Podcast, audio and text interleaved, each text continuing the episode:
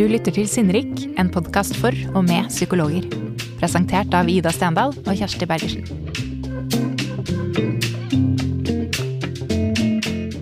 Psykologspesialist Vidar Husby forteller at han fikk en innsikt da han som nyutdannet psykolog skulle ha sin første terapitime. Jeg vet mye om terapi, men jeg vet veldig lite om hvordan man har terapi. Psykologutdanningen og videreutdanningene for terapeuter eh, de baserer seg på kursing og veiledning. Samtidig så viser forskning at disse passive læringsformene ikke er tilstrekkelige for å tilegne seg ferdigheter. Skillet mellom deklarativ og prosedural kunnskap er jo godt kjent for oss psykologer. Så hvorfor fortsetter vi å fylle på med teori hvis det er øving vi trenger? Innenfor mange andre fagfelt er øving en selvfølge. Du blir ikke verdensmester i skihopp ved å lese om aerodynamikk, og du blir ikke virtuos koloratursopran bare ved å sette Nattens dronnings are på repeat på anlegget. Deliberate practice, eller målbevisst ferdighetstrening på norsk, tar utgangspunkt i nettopp dette. At for å bli en flinkere utøver, er det utøvelsen man må trene på. Kan man bli en flinkere terapeut ved å bruke samme prinsipper som profesjonelle musikere og idrettsutøvere? Vidar Husby, velkommen til oss. Tusen takk. Aller først, forklar kort. Hva er målbevisst ferdighetstrening? Så det er, en, det er en måte å lære seg ferdigheter på.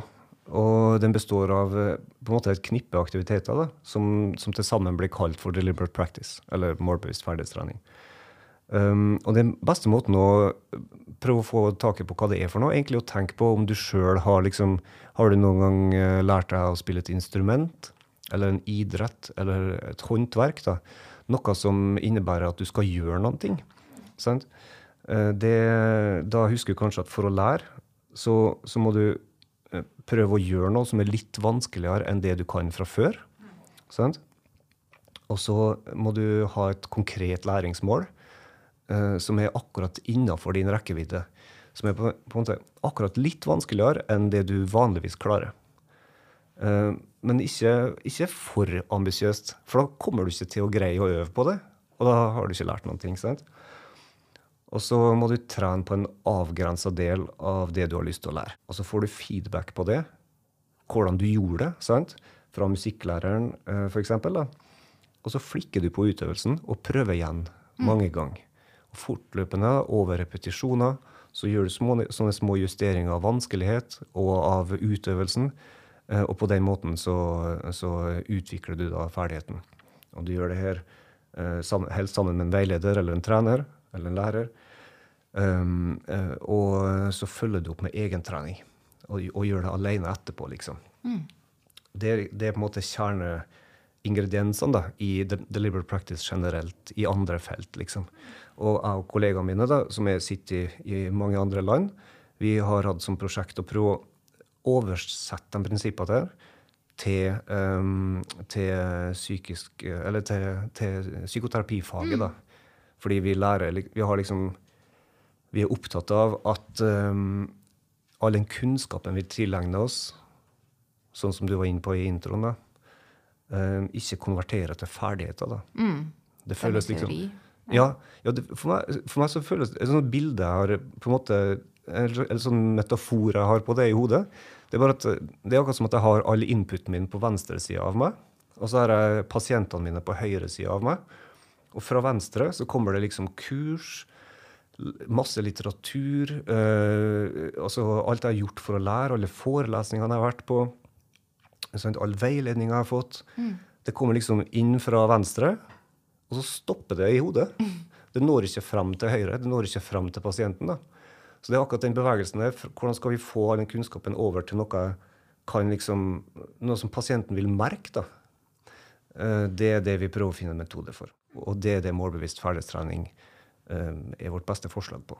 Og, og siden som jeg sa innledningsvis, altså det er basert på prinsipper fra helt andre områder. Så, så, hva er det som på en måte er grunnleggende nok til at det er felles for både skihopp og sang og, og terapeutvirksomhet?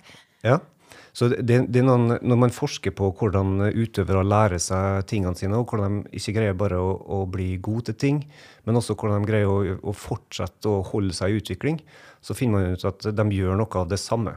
Mm. På tvers av disipliner. Liksom. Enten det er snakk om kirurger, piloter, sjakkspillere, idrettsfolk, musikere. Uh, og det man finner, uh, det er at man for det første greier å identifisere på en måte litt hva som er vanskelig for deg. Sant? At du finner ut hvor du, hvor du, hva som begynner å bli en vanskelig situasjon i det du holder på med. Og så at du finner ut på en måte hvordan du kommer til kort der. Sånn at du merker liksom, ja, blir kjent med hva du har lyst til å utvikle hos deg sjøl. Og så lager man veldig spesifikke læringsmål at, som er veldig skreddersydd til deg, til deg da, og ditt behov. da. Så ikke et altfor ambisiøst læringsmål, mm. men bare sånn ditt neste steg. liksom, Hva vil være eh, liksom rett utafor komfortsonen din nå, og, og, og, begynne å øve på å gjøre? sant? Hva, hva, kan det være, når du sier noe man kommer til kort på? Altså hvor, hvor smale eller konkrete ting ja, velger man seg? Altså, ja, for en uh, turner sant? så vil det f.eks. kunne være hvordan man hopper opp på eh, hvordan man hopper opp på springbrettet for å ta en flikkflakk eh, Nei, for å ta Nå er jeg ikke så inn i turen lenger. Nei, ikke. Jeg bare tar det for komisk. Ja, men, men, altså, det er en, en, veldig detaljert og konkret beskrivelse av det du skal gjøre, rett og slett. Og det du har lyst til å få til å gjøre mer, da.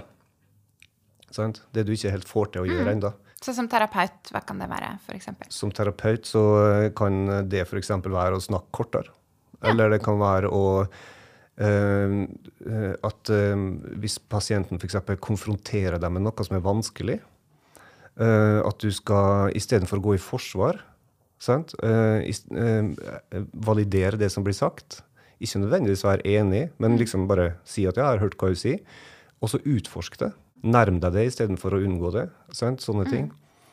Um, min favorittferdighetsbrist som kliniker, mm. tid, som jeg har øvd veldig mye på, uh, det er at jeg tidligere, um, når en pasient um, var avkobla i terapien, så visste jeg med hodet mitt at jeg bør begynne å tematisere det her. For det gjør at terapiforløpet det stagnerer helt. Vi mm. kommer ingen vei. Det går time etter time mens personen sitter skikkelig tilbakelent og kommer fem minutter for sent til timen, liksom.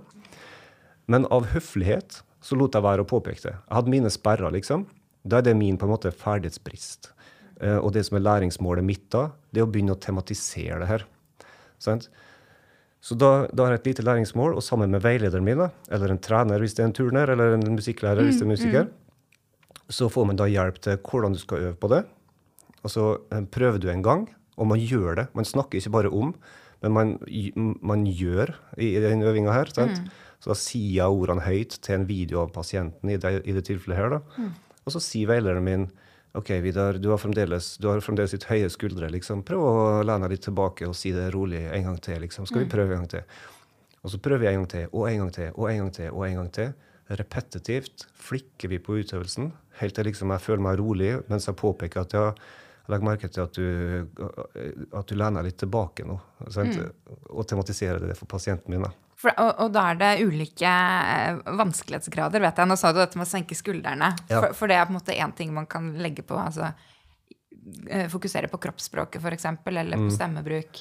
Ja. Kan du si litt om det? Ja, det kan jeg si litt om. Det, det er mm, Der er du jo inn på feedback, egentlig. Mm. Altså at uh, veilederen, eller hvis du øver med en studiekompis eller, eller en kollega på jobben, at den andre da, gir deg tilbakemelding på hva du som terapeut sier og gjør. da. Si og gjør. Og jeg syns det er interessant å tenke på, fordi uh, det pasienten møter, er egentlig ikke hvor mange begreper du har i hjernebarken din, liksom. Og, uh, det, det, pasienten møter, er jo er hvordan du er. Væremåten din, om du virker rolig, om du virker interessert, frakobla, distrahert. altså Sånne ting kan du få feedback på da, når, når du prøver på, en, på trening mens noen liksom eh, ser på det og tar inn hvordan det er å bli snakka til på den måten som du øver på å snakke til. Hva er det folk oftest vil trene på? Altså jeg vet Du har drevet en del veiledning, du holder en del kurs om dette. Eh, hva er det folk syns er vanskelig? Det første jeg har lyst til å si, det er at um, altså, hva som helst kan være vanskelig hvis du kan å justere vanskelighetsgraden. Sånn? Så for eksempel, um, for eksempel, validering, da. Det har jeg tenkt på som en sånn grunnleggende ferdighet, liksom. Men, men uh, når jeg justerer vanskeligheten på det, f.eks. lage utsagn som er veldig vanskelig å validere, eller jobbe litt ekstra mye med å liksom uh, ha god ordflyt når jeg mm, validerer, mm. sånn, så kan jeg gjøre selv enkle ferdigheter til en til krevende øving. øving da. Men det som er sånn klassiske gjengangere, er jo ofte når eh, Det er jo ting som har med alliansebrudd å gjøre. Uh, og det er jo særlig to typer. Sant? At når pasienten enten konfronterer deg med at den terapien her funker ikke for meg, eller, eller at pasienten holder tilbake viktige deler av sin opplevelse. F.eks. at pasienten snakker om noe som åpenbart gjør henne forbanna. Sant?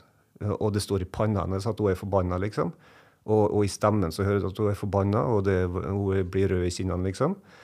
Uh, men så verbalt sier at hun er ikke sint. Hun har kommet over det. Hun er ferdig med det her nå. Da kan vi si at hun holder tilbake deler av sin opplevelse. Mm. Og hvordan skal vi adressere det? sant?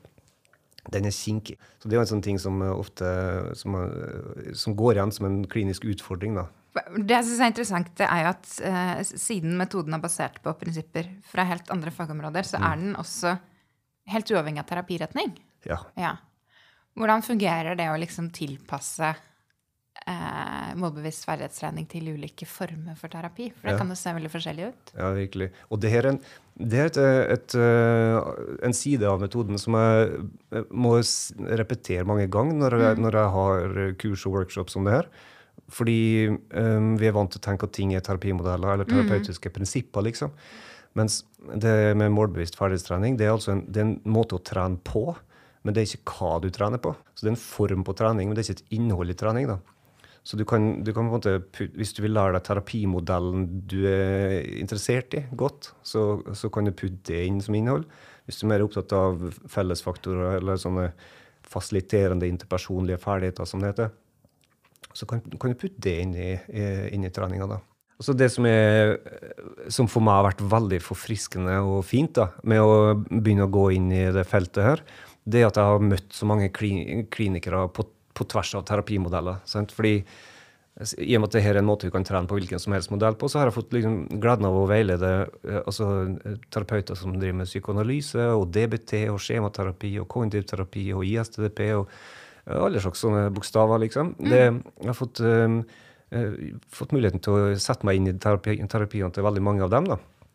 Og da ser jeg jo egentlig at det, det er veldig mange fellestrekk i hva de, hva de, sliter med, og hva mm. de trener på. Og ofte ender vi opp med å trene på relasjonelle ferdigheter som, som omgir modellen de uh, uh, har lyst til å praktisere. Mm. Så, vi, så, da jobber vi mye med det. Mm. Så det, det, er en måte å, å, løse det på. Da går man over til en slags sånn esperanto, sånn et fellesspråk, liksom. ja. Men det som også er litt kult, er at i en workshop så kan man jo ha kan man jo ha en veldig blanda forsamling. Veldig ulike terapimodeller representert. Og en viktig del av metoden her er jo å lære bort hvordan kan du tilpasse det her til, de, til det du har lyst til å lære deg. da. Så, så, um, så, vi hjelper folk til å skreddersy det til sine preferanser og, og modeller, rett og slett. Som, som gjør det mulig å, å, å, formidle det her da, til en veldig sånn bredt spekter av uh, terapeuter. Jeg syns det har vært skikkelig, skikkelig deilig og for, altså befriende. Mm. Og, og liksom eh, gå litt rundt uh, psykoterapimodelldebatt. Ja, ikke sant? Det har vært en skikkelig deilig mm. ting å slippe. Mm. Man finner noen felles eh, trekk liksom, som man kan ta utgangspunkt i. Ja, men, også, men I tillegg til fellestrekk mm. også, så gir det her på en måte også rom for å øve på, på en spesifikk modell. Istedenfor at, ja. at jeg har et perspektiv, jeg er opptatt av en terapimodell, og du har vært opptatt av eh, fellesfaktorer. sant? Så istedenfor at jeg, du skal diskutere oss ferdig eh, på en måte, mm. til vi har en sånn konklusjon på hva det er best å trene på i terapi, så kan vi heller si at ok, ja, da trener du da på mm, alliansebrudd, mm. og så trener jeg på den og den skillen innenfor min modell. på en måte. Ja. Det er liksom, vi, venter ikke på det optimale svaret på hva vi skal trene på, men mer vi tar vår beste gjetning. Ja, og det er ikke så farlig hva man kaller det, på en måte, så lenge det er noe som gir mening for en selv å, å trene på. Sant. Mm. Jeg må innrømme, uh, første gang jeg hørte om, om målbevisst ferdighetstrening, uh, så var min umiddelbare innvending at uh, metoden kan gi inntrykk av at det liksom finnes et fasitsvar på alt. At du på en måte kan forberede deg og være ferdig trent på, uh, på, på alt i en terapi. Mm. Uh, og da tenkte jeg, blir man da liksom i mindre grad uh, spontan i situasjonen? Altså, Kan det gå på bekostning av at man klarer å være til stede og lydhør overfor pasienten? Mm. Har du opplevd at det har vært et problem? Det er et superbra spørsmål. da. Takk. Uh, og det kommer opp, og, og, jeg kan si jeg kjenner meg igjen i innvendinga. Jeg hadde, mm, ja. den samme innvendinga sjøl, særlig når jeg hørte om at det gikk an å øve på ferdigheter innenfor empati. Ja, ikke sant? Så tenkte jeg at det Høres litt sånn, sånn instrumentelt uh, ja, ut. Ja. Hvordan skal du liksom øve opp terapi? Sant? Nei, empati. Men, men det, så, det jeg syns er interessant å sammenligne med, da, er f.eks. Um, en improvisasjons-jazzmusiker. da som eh, det, det, ligger jo på en måte i eh, virksomheten eller i ferdigheten til en eh, improgitarist, f.eks. At kanskje bassisten finner på en ting, liksom. Eller at det ringer en telefon i lokalet. Eller at trikken kjører forbi. Og så kommer det en dudunk, en rytme eller noe. Og så, og så, plukker man opp, så plukker man opp det og putter det inn i spillet sitt. Det, det, er sånn som, det, er sånn som man, det, er et eksempel på improvisasjon. Sant? Men det utelukker ikke at en impro-gitarist som bare driver med det her, må øve masse på skala, liksom. Mm. For å få grunnleggende ferdigheter inn. Eh, sånn at han med ganske uh, lite anstrengelse kan hente igjen de tingene. Og, og det er ekspertiseforskninga veldig opptatt av. Um, mm. at, vi, uh, at, at vi med den metoden her prøver å lære oss måter å gjøre ting på. Um, uh, som, som, på en måte blir lagra i langtidsminnet, uh, og som kan gjenhente, uh, gjenhentes med ganske liten anstrengelse. Da. Så, så akkurat som jazzmusikeren da, har øvd på skalaene sine, så kan det være, altså fordi at han har det veldig i fingrene, så er det lett for han å røre fingrene når han skal improvisere, til trikken som kjører forbi. Ja, så det blir tvert imot kanskje lettere å være spontan når man har et større register eh, å spille på i utgangspunktet? Ja. ja. Og, og, det, og, jeg syns det, det, kommer veldig tydelig til stede når vi Eller det kommer veldig tydelig til syne da, når vi, når vi øver i veiledning. Når jeg gir veiledning på det her, så, eller med metoden her, da, så er det jo typisk sånn at vi da kommer til et punkt, og så begynner man å øve i veiledninga. Um, og da er det sånn Vi øver repetitivt. sant? Så terapeuten sier en ting, vi justerer vanskelighet og liksom om det er noe vi skal flikke på. tar vi ny runde og ny runde og ny runde. Um, og det vi ser, som er ganske interessant, da, det er at terapeuten sine egne ord uh, slipper mer og mer til over repetisjoner. Så det kommer flere og flere sånne egne vendinger. Og en annen ting som er ganske interessant, at utover i repetisjonene så kommer det mer mimikk òg. Du ser mm. mer som foregår i fjeset, og mer nonverbalt i stemmen og i kroppen og sånne ting. da. Så, så det jeg syns jeg skjer, istedenfor at man blir Istedenfor at man blir på en måte robotaktige papegøyer som repeterer, lirer av seg mm. innlærte templates, på en måte, så blir man mer en, eh, en, eh, terapeut som har integrert personligheten sin og væremåten sin med intervensjonene sine, og at det er lettere å bruke dem fleksibelt. Mm. For det er en viktig del av det, at man skal gjøre det til sitt? Ja. på en måte. Det syns jeg er en veldig viktig del av det. Jeg vet du har holdt uh, mye kurs og foredrag det siste. Er det flere enn psykologer eh, som uh, tar kontakt og er nysgjerrige? Ja. Annet helsepersonell, f.eks. Hvem, hvem er det som gjerne vil lære seg dette? Ja, Det, det er ganske mange faggrupper innenfor, psykisk, innenfor psykisk helsearbeid. Mm. Eller innenfor relasjonelt arbeid. Og det tror jeg har litt med å gjøre at når vi formidler det her, den treningsformen, så må vi også ha en, et treningsinnhold, for å bruke det for å, som et eksempel. da. Og da bruker vi ofte sånne relasjonelle ferdigheter i terapi, som psykoterapiforskerne løfter frem som det beste vi kan holde på med, på en måte, og trene på sånne ferdigheter. Da. Så når vi legger ut det i workshop, så, så eh, appellerer jo det til alle som driver med relasjonelt arbeid. Og, så vi, nå har vi jobba masse med, med, rådgivere på skoler, f.eks. Uh, eh, helsesykepleiere og sosionomer og psykologer og psykiatere. Mm. Så jeg vet ikke, kanskje det, heng, kanskje det foreløpig at det har nådd ut til flere psykologer og psykiatere. Men uh, jeg mener at uh, det, er an, det, er veldig anvendelig da, for alle som driver med relasjonelt arbeid. rett og slett. Ja, for det er i psykologmiljøet det har oppstått. holdt jeg på å si. Vi sa jo ikke så mye om det innledningsvis, egentlig, men bare at det kommer liksom fra, fra, andre, fra andre, fagområder. Men, men, det har blitt en, eh, en trend innen psykologimiljøet fra mm. USA? Eller? Ja, jeg vil tro det. ja. ja. Mm. Uh, det å få feedback eller tilbakemelding skjønner jeg er en viktig del av, av, av å skulle lære på denne måten. Mm. Kan du si litt om hvordan det foregår? Må man ha en, en veileder f.eks., eller går det an å gjøre det på andre måter? Altså det, vi, det, vi, lærer, er at ja, veilederen er viktig, men at det finnes også veldig mye mer tilgjengelige personer. sant? Um, som kan gi helt sånn uvurderlig feedback. Mitt, uh, mitt, favoritteksempel er når vi hadde uh, hovedpraksisstudent der jeg jobber på Favne. Og, um, og jeg skulle prøve å normalisere det å vise video sant, i veiledning, i en tidlig veiledning. Og for å, for å, ta ned terskelen så sa jeg at OK, du kan bare velge fra min harddisk. Kan du bare ta en hvilken som helst fil. Bare for å se at, ja, at jeg også kløner masse, og det er masse jeg gjør Eh, bra, og masse jeg gjør eh, ikke så bra, liksom. sant? Så, så valgte hun ut en video, så så vi litt på videoen. Og da satt jo jeg der med min tittel, psykologspesialist Vidar Husby, mm. og hun student. sant? Men jeg satt også der med min blindsone, mm. og hun satt der med sitt blikk. sant? Og det gjorde hun mer kompetent enn meg på den måten. Og hun kunne fortelle meg liksom at ja, Vidar, med pasienten her så du, har du ganske mye mer høye skuldre enn du bruker å ha når vi spiser lunsj, liksom. Du bruker å være mye mer eh, liksom, i kontakt, da. Men du virker liksom litt mer formell med pasienten her. Sant? Det er et eksempel på feedback fra noen som ikke er veilederen min, mm. men som var helt sånn uvurderlig. Mm. Altså, og ga meg en spesifikk ting jeg kunne øve på i etterkant. sant? Mm. Det viktigste er en, en annens uh, blikk, på en måte? Ja. Og, og, og det syns jeg det, det, er et skikkelig framskritt på, på, det feltet her. For det, det, kommer jo fra Jeg har nevnt ekspertiseforskninga.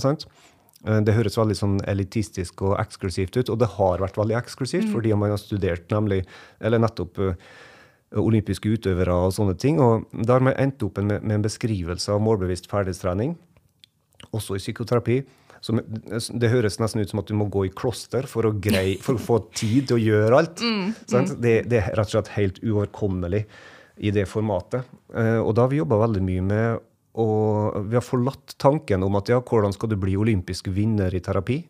Og så er vi mye mer opptatt av hvordan skal vi få til god prosedural ferdighetstrening som vi kan legge til alt vi lærer fra før teoretisk, sant? Uh, i, i, terapi. da.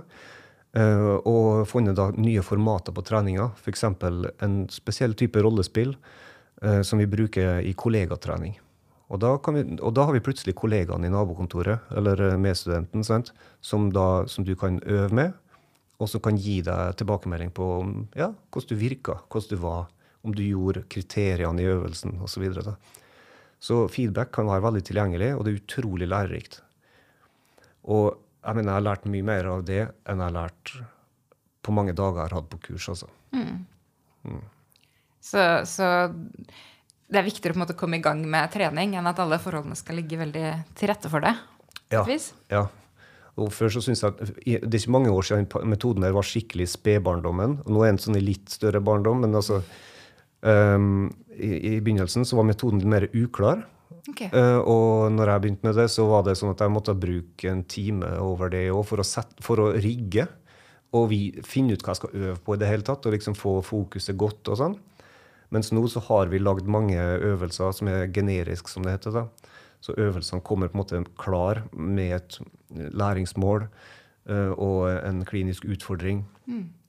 Og en veldig tydelig, enkel, kort instruks for hvordan du skal øve som gjør det lettere å sette i gang, rett og slett. Mm, du trenger ikke ha flere timer uh, hver arbeidsdag for å få øvd jevnlig på dette? Nei. Så bare helt sånn konkret, altså. Så, mm. så dem, dem, eh, jeg veileder, sier jeg sier at hvis du setter av én time i uka, mm. og jeg og jeg sier én time istedenfor en halvtime, fordi uh, altså, det er så god sjanse for at du kommer til å bruke mye av den tida på å sjekke mail, hente kaffe, prøve å utsette på alle mulige måter. Fordi at det er litt effort. da, mm, Så det man mm. vil unngå det, og det gjelder meg òg. Men uh, håpet mitt er at hvis du får inn, eller altså, det at man da får inn 20 effektive minutter. da, mm. For det egentlig, hvis man får til det en gang i uka eller to, så er det liksom, det er topp. Mm. Det er veldig mye bedre enn det vi vanligvis gjør. Du har også snakket om å sitte og øve på ting på sykkelen ja. på vei til jobb. Bare for å gjøre det sånn helt lavterskel.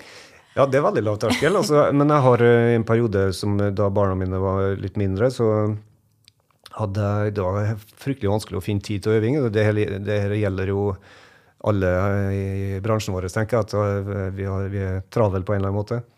Og da sto jeg dårlig til da fikk jeg ikke, da sto jeg dårlig til med øving foran video og øving med veileder og sånne ting.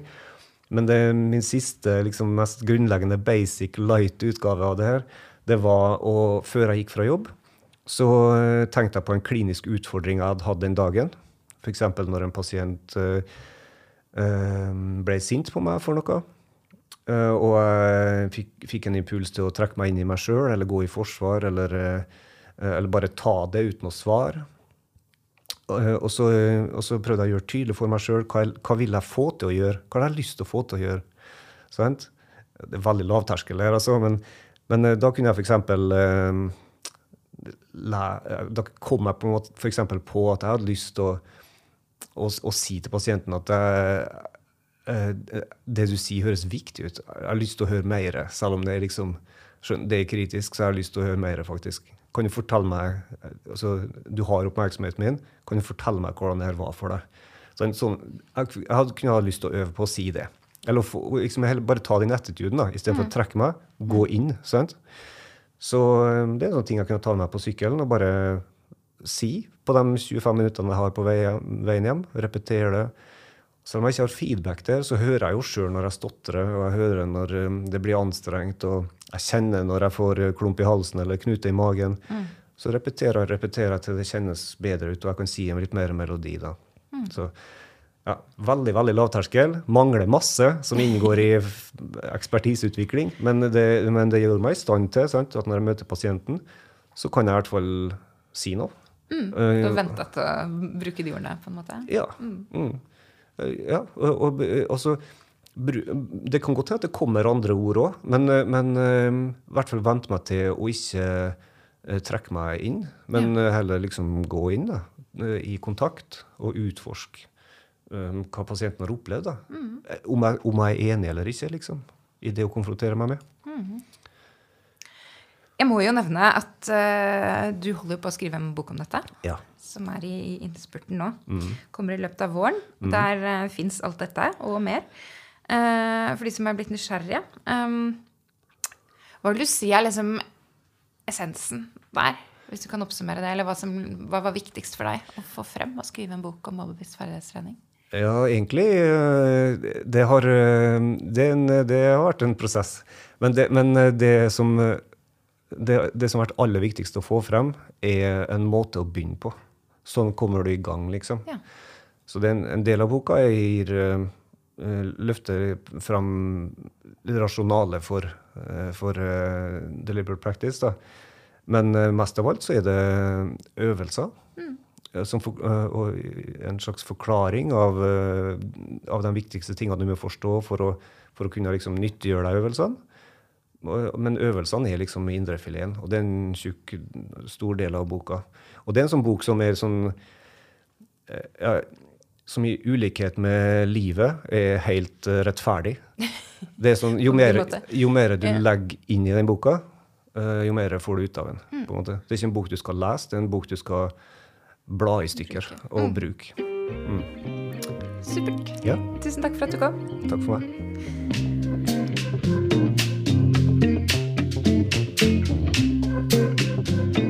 Du har lyttet til en episode av Sinnrik, en podkast fra Gyldendal. Dagens gjest var Vidar Husby. Programleder har vært meg, Kjersti Bergersen. Produsent var Andrea Krüger, og musikken er ved Johanne Samble. Følg oss på Instagram på Sinnrik podkast. Der får du informasjon om nye episoder og tips til videre lesning. Takk for at du hørte på.